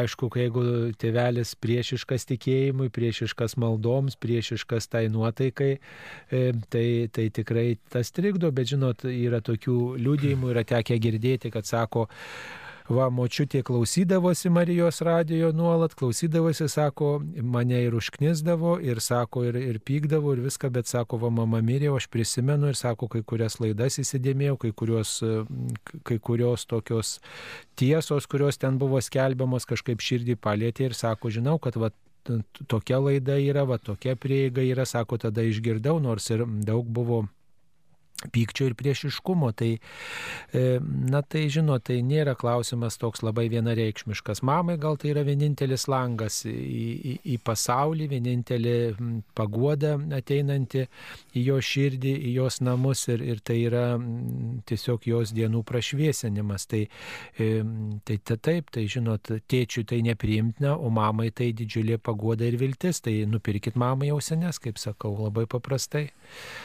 Dar jau seniai buvęs klausimas, bet vis mūsų laidose nuaidintis, kas pikdžodžiautų šventai dvasiai, tam nebus atleista. Kokie veiksmai ir kalbos yra pikdžodžiavimas šventai dvasiai?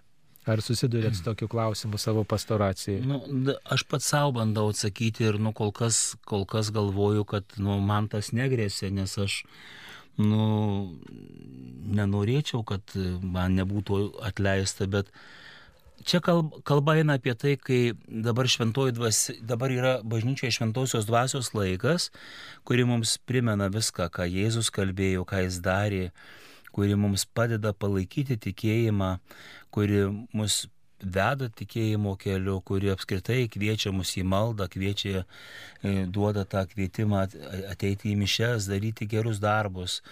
Va, tai yra jos veikimo toks vat, būdas.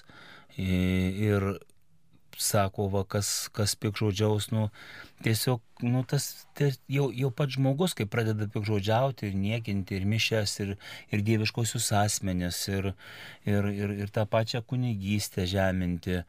Tai, nu, va, tokie dalykai, bet aš paskui galvoju, ar tikrai viešpatie jau čia taip tu iki galo irgi užsikėtina tą širdį. Nu, čia turi būti toks turbūt absoliutus žmogaus širdies užkietinimas ir, viešpats gerbė tokį žmogaus apsisprendimą turbūt. Tai aš taip suprantu, aš ką daugiau pasakyčiau to klausimu, tai neįsivaizduoju, nes aš tikiu iki galo Dievo gailestingumu, kuris yra beribis, bet, bet Dievas ne tik gailestingas, bet ir teisingas. Ir čia turbūt kalbama apie tai, kad jeigu jau tu e, žmogau iki galo esi užsigėtinę savo širdienų, tai ką dabar? Leidžiu tau. E, taip, tai e, e, aišku, kad reikėtų neužkėtinti savo širdies arba palikti tokias praviras duris, kai mes žinom, kaip turi būti, kaip privalo būti, žinom, kaip, kaip reikia, kad būtų, žinom ir, ir griežtai tiesiog taip reikalaujam ir iš kitų, ir iš bažnyčios, kurią paliko viešpats, tai vienas iš tų širdies užkėtinimų, ne šventosios dvasios darbas turbūt įkvėpti tikėjimą ir vesti į maldos gyvenimą. Ir jeigu aš nenoriu melstis, jeigu neperskaitau tų ženklų, kuriuos Dievas siunčia kaip kvietimą melstis, kvietimą gerą daryti, tokiu būdu užkėtinu savo širdį. Mm, taip, tai e, Na ir dar pabaigoje, visai pabaigoje pastaba, aš ir tikėti pradėjau vien dėl to, kad mama klausėsi Marijos radijo garsiai, nors tėvelis ir kiti labai pyko. Ačiū Marijos radijui, tai didelė palaima. Tai ačiū Jums už uh, tokią žinutę, tai didelė paguoda mums, kai Jūs padėkojate ir kai mus palaikote. Ačiū Jums, Marijos radijas išsilaiko tik Jūsų aukų dėka, ačiū visi įvairiais būdais prisidedat, kad Marijos radijas kelbtų tikėjimo žinę. Tai ačiū kunigui Vytautui Mazirskui, kuris yra Griška būdžio ir Barzdų parapijų klebonas, kad atvykote į laidą. Ačiū jūsų parapiečiams, kad išleido jūs. Mhm. Tai ačiū, kad jie šiandien neužsakė jokių pamaldų ir, ir tikrai labai dėkoju Marijos radijui žmonės vis klausia, sako, jūs čia jau seniai buvot, nusakau seniai. Ačiū, kad pakviečia tikrai, ne visada galiu, kvietimą tikrai esu gavęs ne vieną, bet, bet vat, nu, atsiverti savo darbo mišių knygą ir, ir sakai, čia krikštynos, čia laidotuvės, čia jau metinės ir, ir tikrai, o dabar šitas šeštadienis irgi pakankamai, čia gal prieš gerą mėnesį susiskambino, paskambino Marijos radio e, savanori, pakvietė, sakau, va, šį šeštadienį kaip tik ir galiu ir užsirašiau, kad tai man irgi padeda aukti, nu, parodo, kad, kad esu reikalingas ir čia va, tų žinučių tiekmei keletas buvo ar ne, kurių mes čia neįvardinom, bet na, buvo tokia va, padėka ir, ir, ir, ir kunigui Sauliui, ir, ir, ir mane kažkas prisiminė. Tai Dėkoju Dievui už kiekvieną, kuris šiandieną buvote su šia laida. Labiausiai lydėkite mūsų kunigus malda ir kad, kaip jūs sakot, kad mes būtumėm jums naudingi. Ačiū, sudė. Sudė.